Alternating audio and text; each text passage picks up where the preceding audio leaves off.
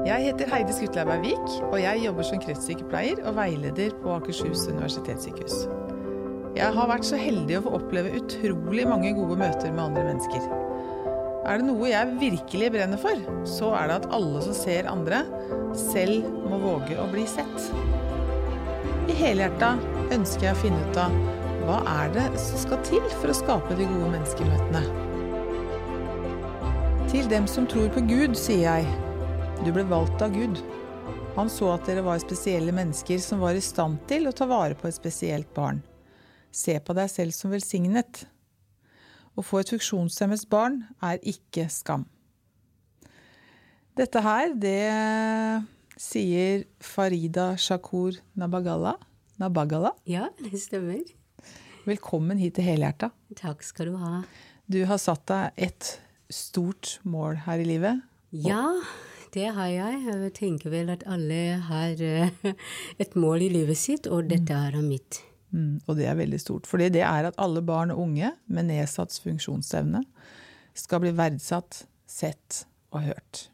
Det er riktig. Det stemmer, akkurat som det høres ut. Ja. Fordi jeg ønsker at disse barna skal bli prioritert. De skal bli sett både av voksne, men også barn Ja. blant barna. Fordi mange opplever å ikke bli sett i enhver tid, og de ikke blir inkludert.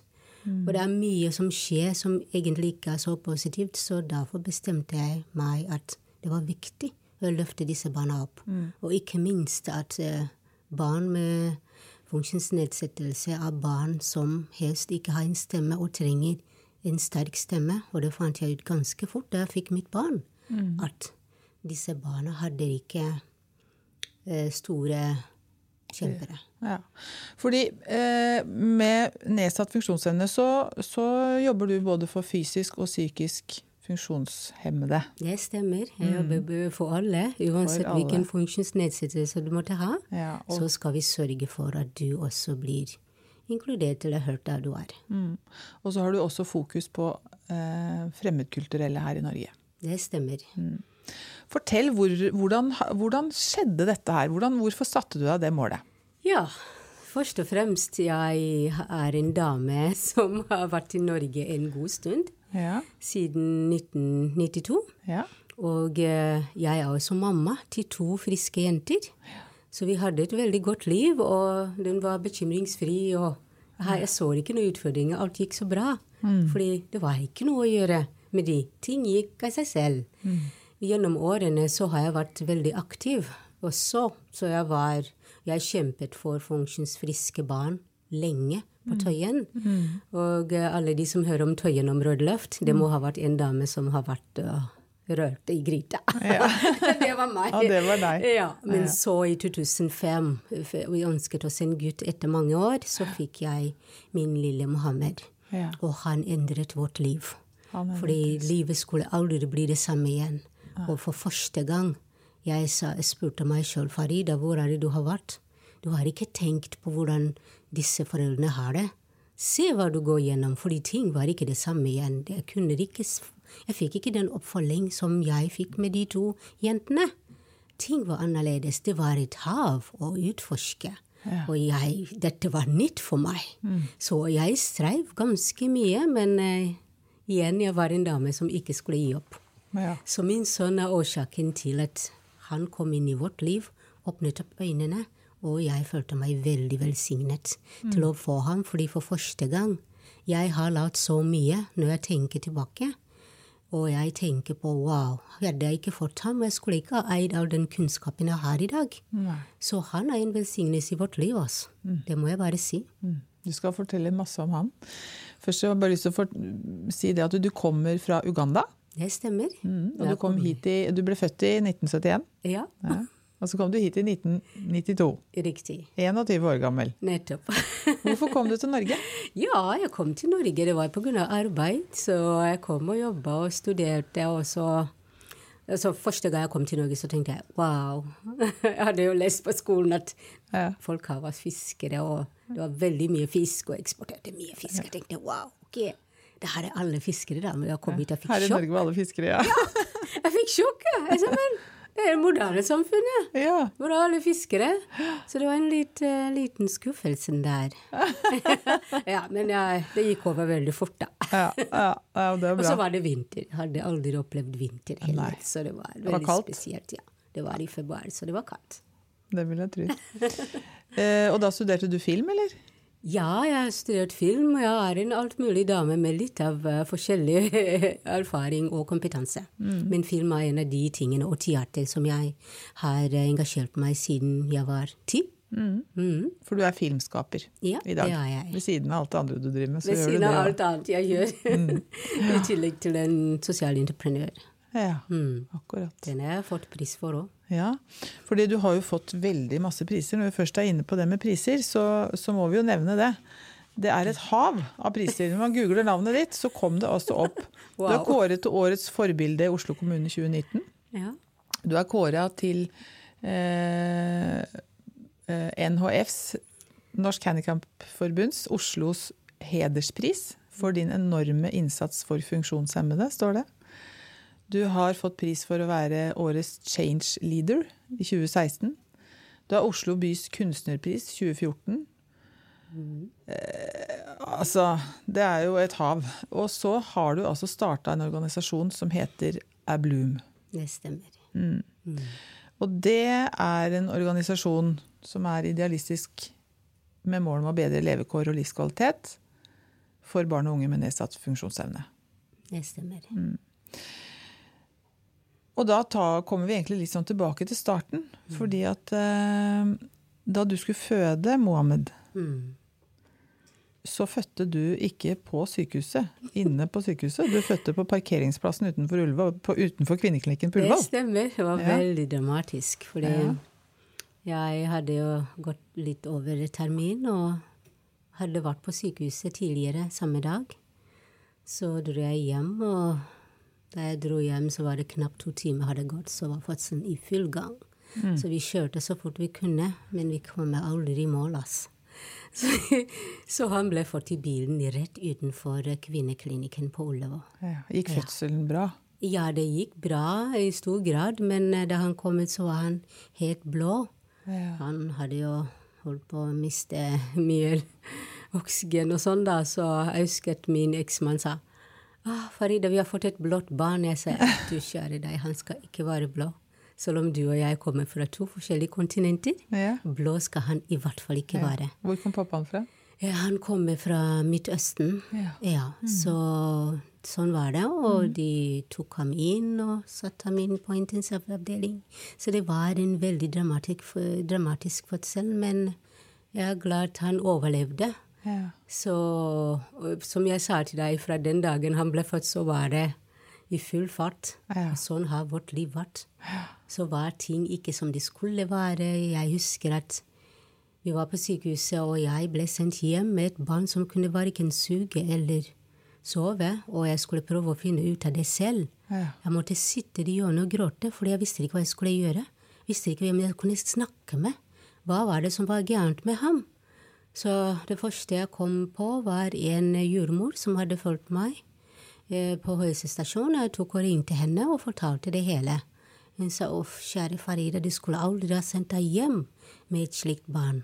Men vi skal finne ut av dette her. Så hun ordnet opp ting også veldig fort. Og uh, vi fikk en akutt time på uh, helsestasjonen, og de fikk se ham, og hun, barnelegen som var til stede, ble helt sånn. Til og med jeg har ikke kompetanse på et sånt barn.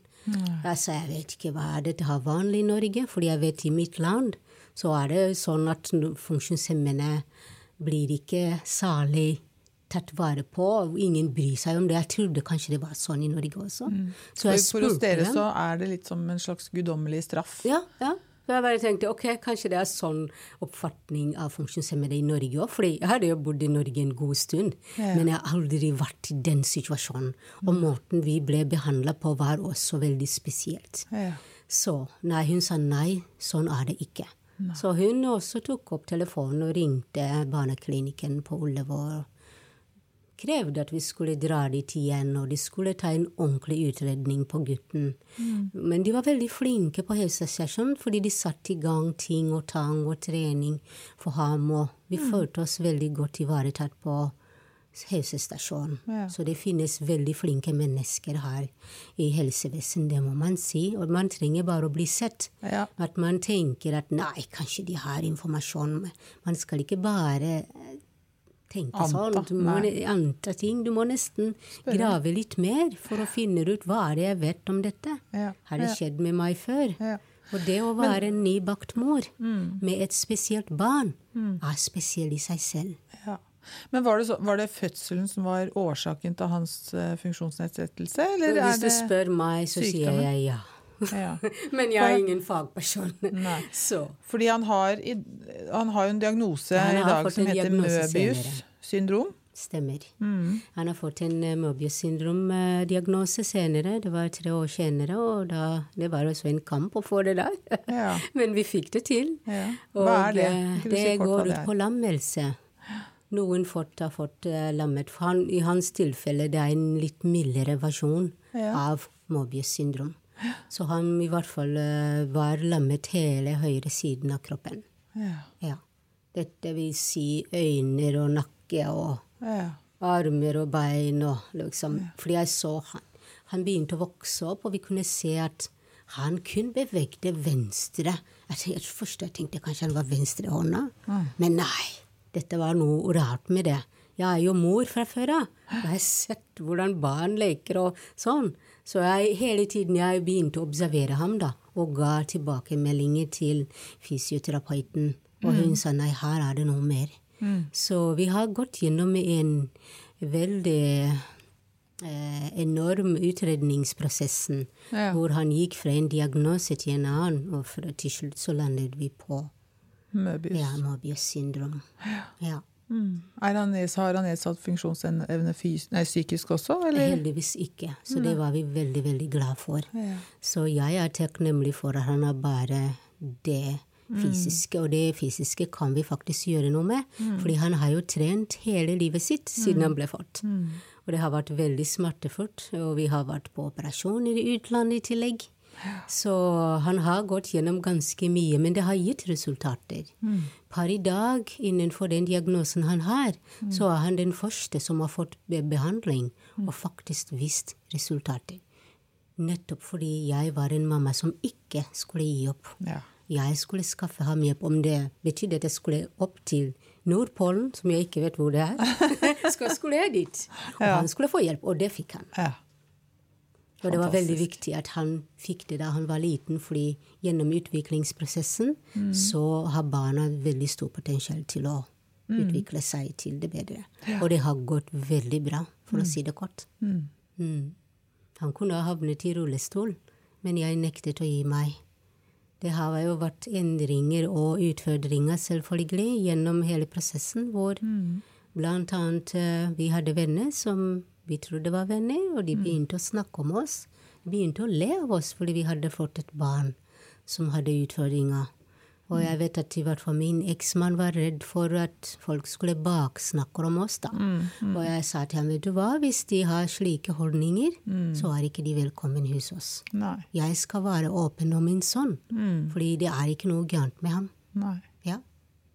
Så, Så det har vært veldig mye par i dag. Til og med pappaen hans Ja. aksepterer ikke at han ikke skal bli bra. Men det er hans eh, syn på ting. Ja. Men jeg har godtatt at dette her er sånn som det er, og vi må bare leve livet vårt videre. Gjør det best ut av det. Ikke sant? Men selv, selvfølgelig, livet har ikke vært lett for ham. Nei. Både på skolen Ja. og eh, det tar med venner. Så det krever en god del eh, arbeid. Ja. Ja. Men eh, du skriver jo en del om, om eh, at det er jo veldig vanlig eh, for mange flerkulturelle eh, Eller mange kulturer, da. At, eh, at man har holdninger om at det å få et funksjonshemmet barn er skam. Og det er derfor du er veldig opptatt av at dette er ikke skam. Og det er, det er noe av det som dri, har drevet deg, forstå, har jeg forstått? Det stemmer. Det er det som har drevet meg. Jeg vet i hvert fall fra Uganda, der jeg opprinnelig kommer fra, så er det sånn at funksjonshemmede blir ikke sett. De har ikke rettigheter. Folk vil helst ikke vite om det. For et par år siden de til og med ble drept på gata. Så ille var det for dem. Men ting har blitt bedre, selvfølgelig.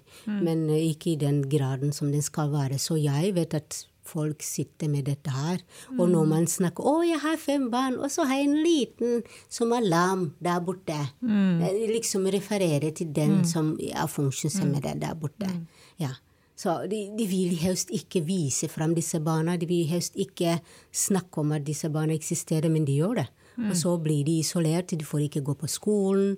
De får ikke delta på forskjellige ting. Fordi de skal liksom holde seg hjemme. Det er det lureste de kan finne på. sikkert. Ja. Men eh, fordi du, du har skrevet eh, noen eksempler på dette her. Jeg syns jo, jo Du er jo selv muslim. ja. Mm. Eh, men du forteller om et eh, eksempel hvor det er en eh, muslimsk kvinne som ikke går med hijab. Mhm. Ja. Og som blir beskyldt for at det er hennes straff for at hun ikke går med hijab. At hun har fått funksjonshemmet barn. ja. Er det, my er det ja. mye sånt? Det er mye sånn, dessverre, fordi spesielt hos eldre mennesker. Hun i hvert fall ble beskyldt da, da hun tok med barna til eh, eh, møteplassen deres og sa åh, det er ikke noe rart ungen din ble fått sånn. Hvorfor tar ikke du på hijaben på ungen din? Det er ikke riktig. Og så er det andre foreldre som har opplevd at de tok med seg barna sine til forskjellige møteplasser, og da fikk de Disse barna ble slått av andre barn, mens foreldrene bare satt der og så på og ble stigmatisert, og de sa mange stygge ord til dem. Så vi ønsker det ikke dere her, dere er stygge, dere er ikke velkommen her. Og dette skjer i Norge. Ja. Det skjer i Norge. Så en av disse tingene jeg, når jeg hører sånne historier, jeg holder på å koke inni meg. Jeg sa jeg kan ikke sitte her og godta slike holdninger. Dette er ikke Midtøsten, det er ikke Afrika, det er ikke Jeg vet ikke hvor hen det måtte være, hvor folk kan bare slippe unna med slikt. Det går ikke. Her må vi gjøre noe. Så jeg har kommet fram til at jeg kan i hvert fall ikke sitte stille når jeg hører sånt. Fordi foreldre de er veldig såret. Barna, når barna opplever dette her, de blir redde også. Og når du sier 'å, kan vi gå ut og være med på det', så de sier nei. Fordi de har opplevd noe vondt. De husker. For dette sitter helt inni, inni på hjertet, og de klarer ikke å gi slipp på det. Så det vil si sånn at de, de, dette har bidratt til at flere isolerer seg. De vil ikke komme seg ut, nettopp fordi det er så mange holdninger. Og det som er trist med tabuer, er at ingen vil snakke om det, selv om de vet at det, det er veldig levende som en, en bakterie, for eksempel. De vet det, men de vil ikke gjøre noe med det. De sier nei, nei, det der er tabu, vi snakker ikke om det. Men når det kommer til eh, konkret uh, handlinger mot funksjonshemmede, så ser du det levende som bare det. De sier nei, vi vil ikke at du skal gå et sted og bli styra på. Alle gir oss blikker og gjør det veldig ubehagelig for oss å være det. Det liker. Mob det er jo fryktelig mobbing. Ja, det er det.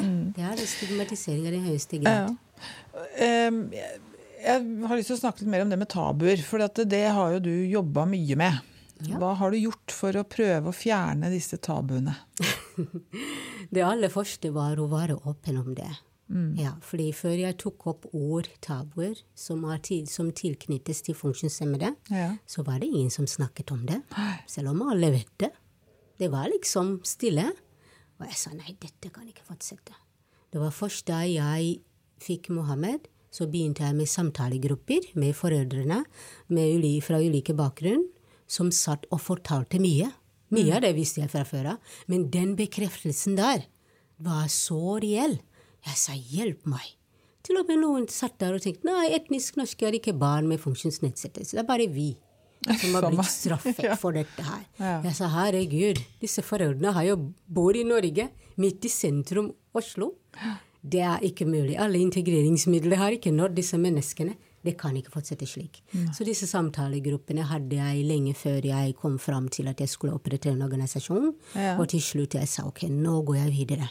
Jeg skal opprette en møteplass som kommer til å skille seg ut, og som kommer til å omfavne alle uansett bakgrunn. Og alle skal være der av en grunn.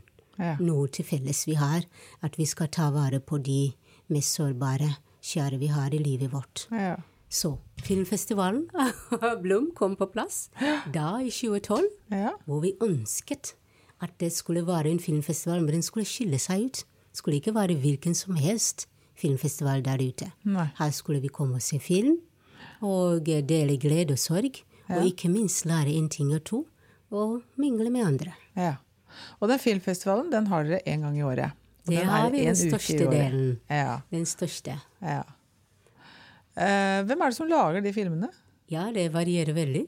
Vi har filmskapere både fra Norge, utlandet, og de fleste filmer lager jeg selv. Lager du selv, ja? Er det kortfilmer, eller er det Det er kortfilmer og noen lange filmer òg. ja. Ja, Og da er de innenfor For hvert år så har dere forskjellig tema. riktig. I år, 2020, da Hva er temaet i år? Det er dødt og sorg. En bortgjemt virkelighet. Og i år har vi ni år i tillegg, siden vi starta. Ja. Så vi gleder oss hvert år at eh, vi vokser og vokser. Og vi valgte dette temaet nettopp fordi vi ønsket å sette fokus på død og sorg. Hvordan behandles død og sorg som tema hos mange. For dette her er med alle uansett bakgrunn. Både barn, både funksjonsfriske og funksjonshemmede. Hvordan håndterer vi dette her? For det er, en veldig, det er et veldig sensitivt tema hos veldig mange. Noen vil snakke om det, andre vil ikke. Hvordan håndterer vi nyheter at noen skal dø snart, og så gå gjennom den prosessen fram til døden? Og hvordan blir prosessen etter at man er død? Ja. De etterlatte. Hvordan blir det for dem? For jeg har jo opplevd veldig mye gjennom foreldres historier, hvor de forteller at det er veldig tungt, fordi barna deres skjønner ikke hvorfor mamma eller pappa ikke kommer tilbake. Nei. Det er akkurat Og da må de sitte og forklare dette her og besøke grav og gjøre alt mulig. Og dagen etter er det samme ting. Så barna skriker og gråter, og de savner selvfølgelig mor eller far. Ja. Og jeg som jobber med dette her, med, med mye død og, og sorg, er jo veldig glad for å høre at dere skal ha det her som tema. Fordi vi som bor, som er etnisk norske, da, er nok eh, Altså vi har, har en forståelse av at det er bra å snakke om det, men at det innimellom likevel er veldig vanskelig å snakke om det. Som hjelper så syns jeg det er ganske vanskelig å, å hjelpe mennesker fra andre kulturer fordi jeg er redd for å tråkke på noen grenser. Eh, akkurat når det gjelder hvor mye kan vi snakke om det, hvor mye kan vi ikke snakke om det. Eh, fordi det handler jo vel så mye kanskje om pers en personlig, de personlige grensene vi har. Men så handler det også om både religion og om kultur. Riktig. For da, innenfor eh, muslimer så er det jo mange forskjellige kulturer. Ja, det stemmer. Eh, liksom. Så det er, det, er, det er så mange ting å ta hensyn til. Det er veldig mye å ta hensyn til, og vanligvis de fleste fremmede kulturer, så er det sånn at de vil helst ikke fortelle den som er døende, at de er døende. Nei. De vil holde det til de Ja. som er rundt den døende, fordi de mener og tror at de beskytter vedkommende. ja. Hva tenker du om det? Jeg syns det er feil. jeg. Ja. Jeg har og min mor døde i fjor, og hun visste hele tiden at tiden var nærme. Ja. Ja. Og det er det som er. Den Ja, som er sa, døende. og så sa broren Skjønner min, jeg husker at broren min sa nei, ikke fortell henne det der. Jeg sa nei, det er viktig at hun vet, og til enhver tid må vi kunne si ok, vi greide å ta farvel med henne mens hun var med oss og forsto hva som foregikk rundt henne. Ja. Så jeg mener at åpenhet rundt døden, Mm. med den selv som dør, og de som er pårørende, Mm. burde være et åpent tema, og ikke være noe at man skjuler fra den som døende. Du beskytter ikke vedkommende. Nei. Fordi du får aldri tatt farvel. Nei. Ordentlig. Og jeg tenker det samme gjelder også når det er barn som er syke. For jeg tenker jo at det er mange av de du jobber mye med, barn og unge som, som er fysisk og psykisk mm, utviklingshemmede, heter det det lenger? Ja. ja. Eh, overlever ikke. Det stemmer. Mange av de faktisk eh, lever, har et veldig kort liv. Og det har vi også opplevd gjennom foreldres historier, at de har opplevd veldig mye å tape på et barn som selvfølgelig ikke er frisk, er jo samme tapet som et barn som har vært frisk hele livet sitt. Fordi vedkommende kommer inn og tar en plass i hjertet ditt. Og de barna har en spesiell kjærlighet som de gir, som du omkommer aldri til å få fra, f.eks. et barn som er frisk. Det har noe med det at man får et bånd. Og det båndet der er viktig å kunne pleie den. Og samtidig, hvis du mister det barnet, så skal du kunne få den hjelpen til å bearbeide den sorgen. Men hvis du ikke vet hvor du finner hjelp til dette her, så blir det vanskelig. Igjen, det er en av disse tingene vi skal ta opp på filmfestivalen under fagkonferansen, hvor vi ønsker at folk skal få vite hvor de kan få hjelp, Ja. og hvordan de skal lære å ta imot hjelp. Ja. Det er også en annen ting. Ja. Det er en læringsprosess Ja. og folkeopplysningsarbeid. ja, jeg tenker det er jo det du driver med på høyt nivå her. Det er jo folkeopplysningsarbeid. Ja, det er det vi gjør hele tiden. Ja.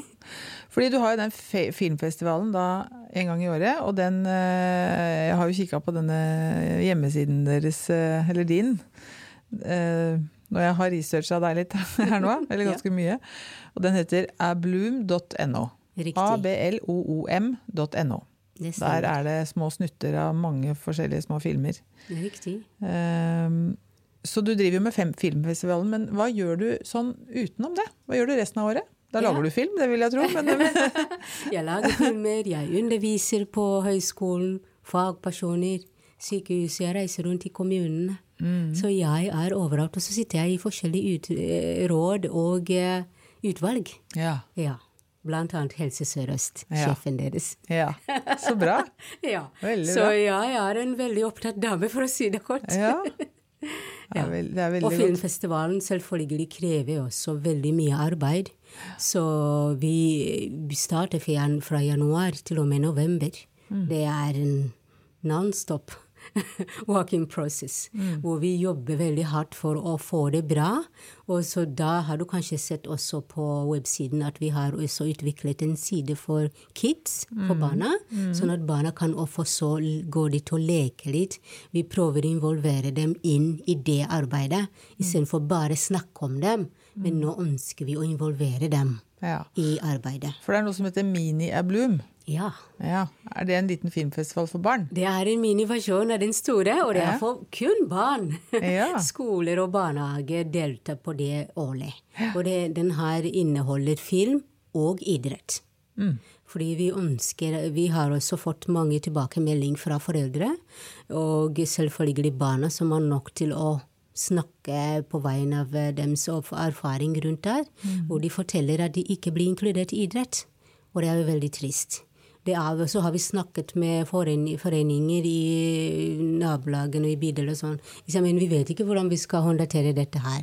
Så det er eh, komplisert greia. Ja. Og jeg husker at eh, det var i fjor hvor vi faktisk etterlyste en eh, handlingsplan for inkludering av barn og unge med funksjonsnedsettelse i organisert idrett. Fordi det er et stort problem og en kjempeutfordring for veldig mange. Så Minia Blom handler om det, og til neste år så skal vi arrangere en paraleker. Ja. Minia Blom! ja. Paraleker Mini Abloom. Ja. Så gøy. ja, så vi gleder oss å se. Nå jobber vi med å få inn samarbeidspartnere her. Nettopp for at barna, både funksjonsfriske og funksjonshemmede, skal komme sammen og konkurrere. Ja. Fantastisk. Og du sitter du, du, Det bare stråler av deg. Dette her er du Takk, veldig det er- jeg gjør opptatt dette her av med, fra glede. Det er det som gir meg glede. Når barna kommer og gir meg en klem. Så skal du spare noen billetter til oss i filmfestivalen. Ja. Så sier jeg, hvordan går det med Blom? Vi har en maskot, vet du. Ja. Jeg vet ikke om du har sett ham? Maskotten? Ja, han sikkert står her et eller annet sted i brosjyre. Men de spør hvordan går det med Blom? Kommer jeg til å se ham? Hva gjør han?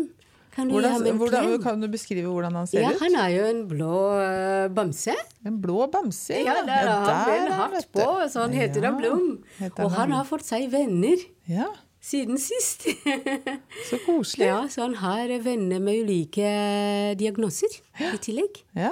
Og nå jobber vi med å utvikle sangleker og litt forskjellige ting rundt dem. Ja. For at barna skal skikkelig få innsikt Ja. i hvordan Ablom er så flink til å inkludere andre barn som Ja. ikke er som han. ja. Ja. Så barna er veldig glad i ham. Som du ser her når de ser ham, de ble Veldig søt. De blir helt ute av seg og klemmer og skriker og Ja. Han skaper så mye glede, og det har vi sett. Og det er noe vi ønsker selvfølgelig å kunne overføre til eh, andre, Mm. andre steder også. Kanskje her på Ahus. Hvis det er ønskelig. Ablom kan komme innom Ja. og hilse på barna på barneavdelingen og gi dem glede og spre glede. Ja, så For det er det han gjør. Ja. Ja. Så fint. Um, hva, har det hjelpa, alt det du har gjort? Føler du at det har kommet noen vei siden 2012?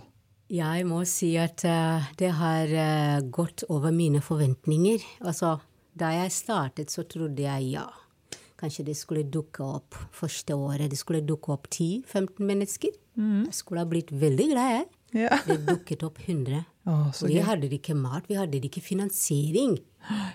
Jeg husker jeg måtte bruke mine egne penger til å få det der til å stå på plass. Ja. Og alle kom og bekreftet seg, Farida, dette må fortsette. Jeg sa, men hvordan skal dette ha fortsette? Jeg har verken midler, og jeg vet ikke hvordan jeg skal gå frem. Nei. Så det kom inn krefter her, og Ullevål lærings- og mestringssenter. De hadde jeg samarbeidet lenge. De sa, Farida, vi skal hjelpe deg. Ja, vi skal hjelpe deg å nå målet. Vi sitter med fagkompetanse, du sitter med film. Og hvis vi tar og kombinerer disse to, så kommer det til å bli bra. Ja. Og siden da så har vi jobbet veldig hardt, bare, både under filmfestivalen, men også gjennom hele året. Og folk har strømmet til oss, og de fortsatt strømmer til med ulike utfordringer og ting og tang. Men vi ser at folk har begynt å åpne seg opp. Og det som er hyggelig, de tar med seg andre år Ja. etter. Ja, så bra. Ja, og så de snakker, det er en sånn jungeltelegram som går rundt, og de forteller hverandre om det. Så har vi vært veldig flinke til å fortelle om det på nyheter, i aviser. Vi bruker veldig mye sosiale medier. Og jeg er ute, ikke minst, og snakker om dette her. Så jeg må si at vi har kommet et stykke. Men selvfølgelig, det er fortsatt mye arbeid, for man kan ikke nå alle. Nei, men du har jo, altså, du har jo ikke bare gått ut og snakka med eh, med de som er mammaer og pappaer, og de som er syke selv. Du, har jo, du er jo masse ute blant eh, altså, med, jobber med myndighetene. Du er, har masse samtaler med politikere. Du sitter i det ene rådet etter det andre, som du sa. Eh, du har mektige venner. En av de, det, en av de Ja, du har jo det. En av de som du har fortalt meg av, at har betydd mye for deg, og som er en av dine næreste venner, det er Åse Kleveland. Det stemmer. Og hun er jo en nasjonalskatt i Ja, seg det er hun. Så det det er jo en god, eh, god dame å ha med, har vært en god dame å ha med seg. Ikke sant. Jeg var jo ganske ny i Norge da jeg ble kjent med Åse. Og eh, hun så meg som et, men, et, et fullverdig menneske og tok meg på alvor. Løftet meg opp, viste meg Norge mm. gjennom hennes øyne. Ja. Og for meg så betydde det veldig mye. Fordi jeg kunne ikke om den kulturelle delen av Norge. Nei. Det er hun som har vist oss hele veien. For det var da hun var kulturminister? Ja, men også i etterkant. Ja. Så vi har jo vært venner lenge, Ja. for å si det kort. Men det, det at hun tok seg tid og virkelig satset på et vennskap som ikke var basert på fordi jeg var berømt, eller fordi hun følte synd for meg, Nei, nei. eller noe sånt. Men hun har et godt hjerte, og jeg mener at alle foreldre eller alle folk som kommer til et nytt land, trenger gode venner. De trenger ikke å være som Åse, men et godt vennskap til det i et nytt land kan bety veldig mye. Masse. Og det kan gi for, Det kan, for å si det sånn, være forskjell mellom dag og natt. Og hvordan du kan klare deg og integrere deg i det samfunnet Ja. du har kommet til. Så det vennskapet vi har, har betydd veldig mye både for meg, men også for mine barn. For de har jo vokst og sett Åse hele livet sitt, Ja. og hun kommer og stråler og kommer med gave til ju, julaften, og de sitter og gleder seg. Det var liksom, alt det der har hun, de har de sett, og så har hun tatt oss hit og dit og Ja. lært oss mye. Så det betyr veldig mye. Ja. Og alle trenger noe de kan se opp til. De trenger et godt forbilde. Så jeg foreslår å gi tips til alle at hvis du her, eh, uansett hvilken bakgrunn, bli venner. Bli venner. La oss skape et godt samfunn som har felles verdier for alle. Ja. For det jeg har lært fra Åse, har jeg også lært til mine barn, og så driver jeg og lærer det videre til andre. Mm. Til andre. Og sånn fortsetter det. Ja. Og fordi du er, har jo disse eh, Du har fortsatt samtalegrupper, eller Bloom har samtalegrupper. Ja, vi har dem innimellom. De kommer. Ja. Selv om det Har har du tid til alt dette her, da? Jeg skaper tid. Ja. Fordi når eh, en mor eller tre eller fire ringer og sier de ønsker å snakke, så må jeg nesten sette av tid til det. Ja. Fordi først og fremst, de har hørt om meg fra helt andre mennesker. Og de er desperate, med veldig stort behov. Og jeg har også kommet til å respektere disse foreldre veldig mye, fordi de går gjennom veldig mye, og jeg vet hvordan de har det. Så jeg alltid har til dem. Det har jeg lovet meg selv. Mm. Har, du, har du laget en organisasjon hvor du har flere som er gode på de tingene der? Ja, vi er Sånn, stadig sånn at det blir bærekraftig, tenker Yes. jeg. Ja. Jeg stadig lærer bort folk. Ja. Jeg har per i dag fått eh, flere pårørende som jobber med oss. Som har kommet og hjulpet oss i forskjellige, eh, forskjellige sjangre og eh, måter å gjøre ting på. Så de er med til å bli gode ambassadører. Nettopp for å bære det videre. Men også engasjerer vi barna på skolen. Fordi Ablom har filmfestivalen, men også Ablom som organisasjon i seg selv, har blitt et valgfag på ungdomsskoler. Ja. Så vi driver med å videreføre til neste generasjon. Fantastisk. Takk. Jeg så det at det var valgfag, og så så jeg at dere tar imot hospitanter og studenter. Og, Det gjør vi. Ja. Mange kommer og kanskje har de har jobbet med bachelorgrad og ønsker å få litt innsikt. Snakke med foreldre. Så dem lærer vi også. Ta dem inn. La dem komme og bidra. Så har vi mange frivillige. Både med, innenfor flyktningsområdet og de som er langvarende, hjemmeværende.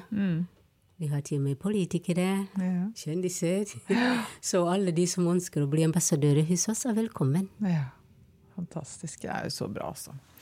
Um, du har også uh, skrevet litt om det med vrangforestillinger i forhold til det med tabuer. Ja. Kan du fortelle noen av de vrangforestillingene som, som er? Ja, du, vrangstillinger. Man kan tenke at når man snakker om vrangstilling, så tenker man at det er et barn som slår seg på gulvet, og så begynner å sparke. det er ikke sånn hos voksne, i hvert fall. Nei. Det vil være sånn at hvis jeg f.eks.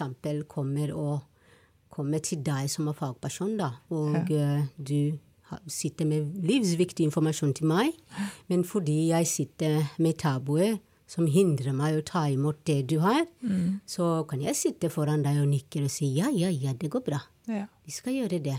Så går jeg hjem og kaster brosjyrene dine i skuffen eller i søpla.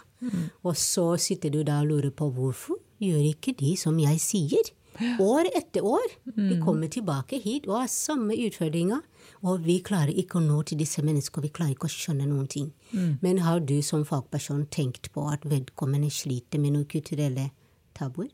ja. Rett og slett. Da kommer vrangstillingene som gjør at de kan ikke ta imot hjelp. De er redde for å ta imot hjelp. Hvordan skal de andre si som tilhører det miljøet de tilhører til? De er redde for å ta imot hjelpemidler. Ikke minst å snakke åpent om dette her. Ikke når du blir beskyldt av at eh, ungen, den ungen eller vedkommende i familien din er faktisk en straff fra Gud fordi Det må jo være veldig mye skyldfølelse hos mammaene og pappaene. Det skulle bare mangle. Men det er folk som bidrar til det. Noen av dem skulle ikke hatt dem, hadde det ikke miljøet vært der og dømt dem. Ja. Men kommer du f.eks. et miljø hvor folk du, du går ut på gata og aldri sier én eneste med funksjonsnedsettelse på gata, så kommer du hit, og så plutselig blir du bedt om å være åpen. Men du vet at de folka der tilhører ikke samfunnet. De tilhører hjemme, i et rom, og det er der de blir sperret og blir. Så alle de som kommer hjemme, enten de ber ungen om å sitte pent i sofaen og gjemme bort alle hjelpemidler, eller at de gjemmer ungen i rommet og lukker rommet, og de sitter og prater som alt er vanlig. Så det blir vanskelig for vedkommende å komme og begynne å åpne opp og ta imot hjelp og gjøre forskjellige ting, fordi det er vanskelig. Hun sitter med dette her redsel. Det kan også mange ganger være redsel. Ja. Ja. Hva tenker du at vi som medmennesker. Eh, når vi møter en mamma eller en pappa som har et funksjonshemmet barn, eh, og vi kommer i prat med dem på en måte, eller altså at man småprater litt i en butikk, eller hva som helst. Hva, eller, hvordan skal vi være? Hva skal vi si? Hva skal vi gjøre? Hva, hva kan vi gjøre, hver og en av oss, for at ting skal bli litt bedre? Kan begynne f.eks. hvis jeg var, hadde et barn som var litt vrang. Mm. fordi det fysiske kan man se med en gang. Mm. Men det psykiske er vanskelig. Mm. Og så ser du et barn som er vrang og vil ikke høre og skriker. og, mm. og Istedenfor å gi meg rare blikker, mm. så kan du komme bort til meg og si hei. Kanskje snakke med ungen min og si hei. Går det bra? Mm. Ja, hva er det du har lyst på? Så fin du er på håret i dag. Mm. Så fin du er. Du er ja. fine klær og sånn. Bare få meg til å føle meg litt vel ja. i den situasjonen, istedenfor å gi meg blikker. Ja. Og si uff. Fordi det blikket der kan få gi meg tusen meldinger tilbake. Mm. Derfor, å, nå dømmer de meg fordi jeg er en dårlig mor, men de har ikke peiling på ja, Det tenker jeg gjelder uansett om eller, det er funksjonshemmet barn eller ikke. Eller ikke så, man tenker det automatisk. Men istedenfor å gi meg blikker, mm. hjelp meg. Få meg Møt meg der jeg er, mm. for du har, ikke, du har ikke peiling på hva jeg går gjennom. Mm. Jeg tenker det er litt sånn generelt når man møter mennesker som har eh, fysisk eh, funksjonshemming, eller eh, psykisk eller også, altså. Men jeg, jeg, hadde en liten episode her. Jeg var, i, jeg var en tur i Oslo. Og så var jeg ute og gikk, og så sitter det en dame i rullestol, og, det, og så var det veiarbeid der, så det var ganske sånn ugreit å komme seg fram. Og så så jeg at hun sleit lite grann. Eh, for meg så, Jeg er sykepleier, sånn at liksom helt, for meg er det helt naturlig å gå bort og spørre skal jeg hjelpe deg. Så jeg gjorde det. Og så sa han vet du, det går fint, men tusen takk for at du spurte. Det er nesten ingen som tør å gjøre det, sa hun. Ja, folk er redde. Og da tenkte jeg det er jammen meg sikkert sant. Vi, men jeg tror at vi kanskje er litt redde. Det er ikke at ikke vi ikke bryr oss, men vi er litt redde for å tråkke over disse grensene igjen, da. Ja. Liker hun at jeg bryr meg, eller liker hun det ikke? Ikke sant. Skal jeg fortelle deg noe det som skjer i andre land? Ja. Hvis f.eks. mange har oppfatning, eller de har bygd opp oppfatning at alle funksjonshemmede, spesielt de som sitter i rullestol, mm. har alltid sure, mm. de er sinte, osv. Og det er mange som tror det, ja. ja. ja. så de er redde for å gå til dem og spørre ditt og datt. Mm. Men bare det du gjorde, betydde så mye for henne. Mm. Hun ble sett. Mm. Og det er den type atferd vi trenger av mm. alle. Mm. At du ser menneskene der de er, og mm. viser dem respekt. Og ikke, med, ikke minst verdsette dem. Fordi jeg også opplevde det på bussen, hvor det var en mamma med rullestol. Hun kom med sitt barn og ville inn, og han bussjåføren bare satt og ikke hjalp til. Jeg måtte reise meg, han holdt på å kjøre fra dem. Jeg reiste meg opp og begynte å skrike til ham. Så vet du hva? Det der kan ikke du gjøre. Nei. Dette er Norge. Det skjer. Stopp bussen og gå og hjelp dem inn. Ja, de kan ikke an. komme inn uten at du har hjulpet til. Nei, det går ikke an. Og alle bare satt i bussen og så på. Jeg snakker om holdninger. Så det er liksom mm. Vi må egentlig drive med veldig mye holdningsendringarbeid for å ja. kunne hjelpe mange der ute. Fordi mange enten de vet ikke hvordan de skal gjøre det, andre bryr seg rett og slett ikke. Mm. Men det du gjorde, betydde veldig mye for henne. Jeg tror vi må tørre å bry oss, ja. ja. Sånn generelt. Vi må bry oss om hverandre. Ja. Mm. Eh, å, eh, du har jo eh, filmfestivalen Bloom filmfestival. Er det alltid uke 47? Ja, alltid i uke 47. Ja. Og så har du Minia Bloom. Og så er det sånn at du har også blådueuke. Ja, Fortell om det! ja. Blådueuka er et nytt initiativ som vi har startet i år, fordi vi ønsket å få inkludert alle andre inn i det arbeidet vi gjør. Mm. Enten du er med på filmfestivalen, eller hvor hen du måtte befinne deg. Så mm. Awareness Week, vi ønsker at alle skal bli klar over at det skjer. Du kan feire det i barnehagen, du kan feire det på skolen, enten at du har noe blått, eller du kan lage en liten fest, mm. og ta vare på de som trenger din hjelp hjelp, som er sårbare der du er. Mm. Det er det vi ønsker. Vi ønsker at folk skal bry seg om, om disse barna, om voksne også, ikke minst. Fordi mm. voksne er det lite av man snakker om, de som har funksjonsnedsettelse.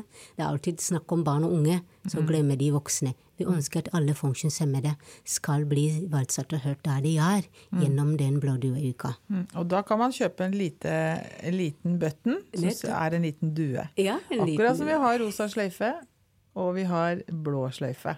Nettopp. Så har du altså lag blådue. Blådueuka. Ja. Ja. Det er også uke 47. Det er uke Det 47. syns jeg vi skal bestille oss en sånn blåduebutton på eh, bloom.no. Ja, Det går an å kjøpe den ja, det kan man gjøre der. Eller at du kan også få lov å prøve å være kreativ der du er. Lage, for F.eks. på sykehuset her, så kunne dere ha hatt noe arrangement for barna på barneavdelinga.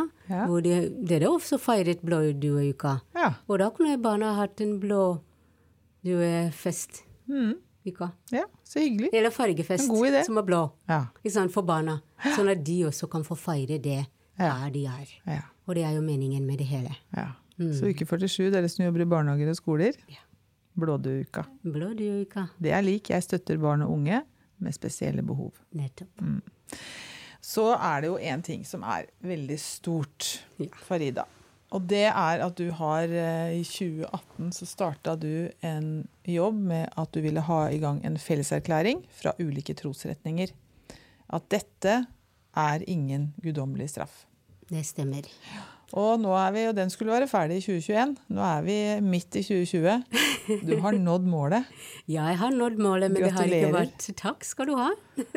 Det har ikke vært en lett sak. Nei, fortell om felleserklæringen. Ja, felleserklæringen det begynte sånn at mange foreldrene kom til oss med samme utfordringer. Igjen, år etter år. Og jeg sa, vet du hva, vi kan ikke fortsette slik. Hva gjør egentlig religiøse ledere der ute i, i livs- og trossamfunnet deres? Det visste jeg ikke. Og så hører jeg så mange tilbakemeldinger. Jeg sa ok, nå er det nok. Dem skal vi ta inn. Og, og nå skal vi gjøre noe her. Det er skal- hårete mål. ja, jeg er veldig hårete. Jeg er jo kjent til å ha hårete ideer. så slik gikk det. Eh, Jeg, første gang jeg introduserte det, så fikk jeg null respons. Og så bestemte jeg å gå og banke på hver eneste dør personlig. Mine medarbeidere sa Farida, vi klarer ikke dette. Nå har vi sendt brev, e-post og ringt flere måneder, ingen svarer. Jeg gikk og banka på døra deres, én etter en. Jeg sa hva er det som skjer her, folkens? Dere svarer ikke på e-poster, ingenting. Vi vil ha dere om bord. Ja. Og dette må dere prioritere. Og slik gikk det at jeg taget dem én etter en. og så fikk jeg dem til å sette seg sammen, og vi utarbeidet eh, en erklæring på at funksjonsnedsettelse ikke er en guddommelig straff i 2018, som ble signert av veldig mange livs- og trossamfunn, politikere, statsråder, Ja. kjendiser, Politi. foreldre, Ja. you name it. Alt som er. Det er helt Alt som det er. Og vi jobber nå med underskrifter her. ja, vi jobber nå med å forenkle det til barna. Ja. Fordi det er jo neste generasjon. Det hjelper ikke at det stopper hos oss. Den må videre. Så den nå jobbes med å forenkles til at barna kan få engasjere seg. Og det skal vi bruke aktivt under Awareness Week Mm. hvert år. Og ikke minst at temaet for filmfestivalene til neste år handler om samme tema. Da er vi ti år. Det er tiårsjubileum. Felleserklæringen har blitt eh, eh, i hvert fall oversatt i 21 språk. De to 21 språk som er verdens største språk, da. Og så har den faktisk nådd paven. Har den nådd til paven? Ja. Gjennom den katolske bisko- her i Oslo. Så den har nådd til paven. Så hvis det ikke hadde vært for korona Hva var responsen hans? Ja, han sa dette er jo Jeg støtter fullt. Ja. Så han egentlig, hvis det ikke var for korona, så skulle jeg vært i Roma, vi. Nei. Ja. Farida, det er fantastisk. Takk. Som jeg sa, jeg har lovet meg selv at jeg ikke skal gi meg, og det er det siste jeg gjør. Så her er vi. Vi jobber videre. Vi ønsker at alle som blir inspirert av dette, kan bli med på den flotte kampen som vi har startet, sånn at det kan videreføres på alle nivå. Nydelig. Farida, jeg har jo et spørsmål om hva det er som driver deg. Altså, Hva er det som gjør at du orker alt dette? Men jeg, ser, du blir jo, altså, jeg blir jo kjempeinspirert bare av å sitte og se på det her. Så det, du, du må inspirere deg sjøl om hva dere får til. Men hva er det, hvor henter du styrken din? Ja, først og fremst eh, den hjelpen jeg gir til folk, jeg får tilbake kjærlighet. Ja. De kommer og klemmer meg. Hun sier vi er så glad og velsigner at vi har truffet deg, at du finnes. Fordi før du kom, eller åpnet munnen din, så var vi veldig svake. De kommer og klemmer deg og sier 'hei, Farida'. Jeg er så glad i deg, det du gjør. Jeg sa, men jeg vil ikke gjøre det alene, dere må hjelpe meg. Og jeg sier ja, hva vil du at vi skal gjøre, Farida? Jeg sa ja, gå og snakk med en annen forelder der ute du kjenner, som trenger hjelp. La dem også bli åpne. Om de ikke klarer det der, la dem søke om hjelp der de er. Sånn går det. Og så blir jeg møtt av barna, selve barna, som kommer og gir meg klem. Og sier hei, Farida. Skal du, vi er så glad i Blom, vi savner filmfestivalen. Nå skal vi komme og se film. Altså, de, de har så mye kjærlighet, og den kjærligheten får jeg i retur. Og det styrker meg hver dag som går. Det er der jeg henter styrken min fra. Nettopp fordi det du gir til, til folk, du får i retur kjærligheten, og det styrker meg. Fordi folk har veldig mye kjærlighet å gi. Ja. Men de også trenger å bli styrket, og hvis jeg kan være den som kan styrke dem, gir de meg kjærlighet, så kan jeg gi deg kjærlighet tilbake, og de gir kjærlighet til en annen. Og sånn går det. Og sprer seg. Så det er der jeg henter styrken min fra når jeg hører noe positivt. Jeg ser en mamma som tar med seg en annen, Ja. fordi hun har blitt styrket, så hun går og tar med seg en til. Og det betyr veldig mye. Men også dette her at myndighetene har tatt dette på alvor. Det betyr også veldig mye. Så den støtten vi har fått, både fra Oslo kommune, Bufdir og alle andre sponsorene som bidrar til at dette arbeidet fortsetter, Barne- og likestillings... eh, I hvert fall eh, eh, departementet. Det betyr veldig mye. At de ser, og de ønsker, at ting skal bli bra for denne målgruppa. Ja. Det også gir styrke. ja. Derfor jobber vi og fortsetter med den gløden. Og Det er dere som støtter oss og Ja. hører om oss og sier 'Farida, kom, så skal vi snakke om dette her'. er Så det betyr veldig mye for oss også. Ja. Ja, For da vet vi når vi er her, så når vi til flere, Mm. og flere når til flere. Og sånn fortsetter kampen. Farida, Ja. da du var 18 år, Ja, da bodde du i Uganda ennå. det stemmer. Eh, hvis du skulle sagt noe til henne nå Nå er du, nå er du 49. Ja. Eh, da du skulle sagt noe til, til Farida, 18 år, hjemme i Uganda, Mm. Hva skulle du sagt til henne da? Hvilket råd ville du gitt med henne på? Ah, det første ville jeg sagt wow. Fordi den 18-åringen, hun hadde tenkt å bli en pilot. Hadde hun? Mhm. Hun skulle bli en pilot, for jeg husker jeg lovet mammaen min Jeg sa mamma, jeg skal bli en pilot, så kan jeg kjøre deg, sånn at du får besøkt hele verden. Ja. Ja, sånn skulle jeg være. Så hvis jeg kan gå tilbake og snakke med den jenta som hadde den drømmen der Jeg sier wow, du ble mer enn en pilot, du. ja, Du har nådd til folks hjerte, Ja. og du har gjort noe fornuftig som gir så mye tilbake. Jeg tror ikke, hvis jeg hadde blitt en pilot, at jeg skulle ha fått en, så mye glede i livet mitt som jeg har i dag. Nei. Jeg tror ikke, hvis jeg hadde blitt en pilot, så skulle jeg ha blitt velsignet med et spesielt barn. Så jeg er glad at jeg ikke ble den jenta, eller den piloten, og ikke minst at livet har ført meg til riktig eh, Til et riktig kall, kan man si, og igjen i riktig retning. Jeg skulle ikke ha møtt deg. Tenk alle de menneskene jeg har truffet gjennom dette arbeidet. Ja. Det er snakk om flere tusen mennesker. Dem skulle jeg aldri ha møtt. Så Så ditt livskall, har jeg lest, det er å hjelpe andre. Ja, det er å hjelpe andre, og det er der jeg henter min styrke. Det er det beste jeg vet. Fordi hvis jeg sitter og føler at jeg ikke har hjulpet noe, og universet har en måte å gjøre det på, folk kommer til meg. Og det har de gjort hele tiden. De finner meg hvor enn jeg er. Ja. Så noe folk har fått til å bare ja, hjelpe og møte mennesker. Jeg er den type, så jeg har bare godtatt det, og jeg trives med det, jeg. Farida, Ja. Det her har vært eh, helt eh, Helt fantastisk. Jeg føler, føler meg rørt fra, eh, gjennom hjerterota. Takk Du skal du, har ha. nådd mitt hjerte. Takk skal du ha. Og du når alle hjerter, tror jeg. Alle mennesker som møter deg, når du hjertet til. Takk skal du ha, det er det jeg ønsker. Lykke til videre med arbeidet ditt for alle de som trenger deg der ute. Takk skal du ha. Lykke til med Bloom. Takk skal du ha. Og tusen, tusen takk for at du kom. Ja, takk for at jeg ble invitert, og jeg inviterer dere til filmfestivalen. Fordi for fag- fagkonferansen, Ja, da ønsker jeg dere skal være med på programmet. For dere sitter med veldig mye kompetanse som må ut. Kjempebra. Jeg sier kjempetusen takk for invitasjonen. Jeg kommer. Vær så god.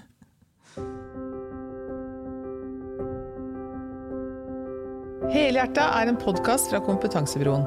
En digital plattform for samhandling og kompetansedeling i helsetjenesten. Personer som blir omtalt i pasienthistorier, er enten anonymisert eller har gitt samtykke til deling.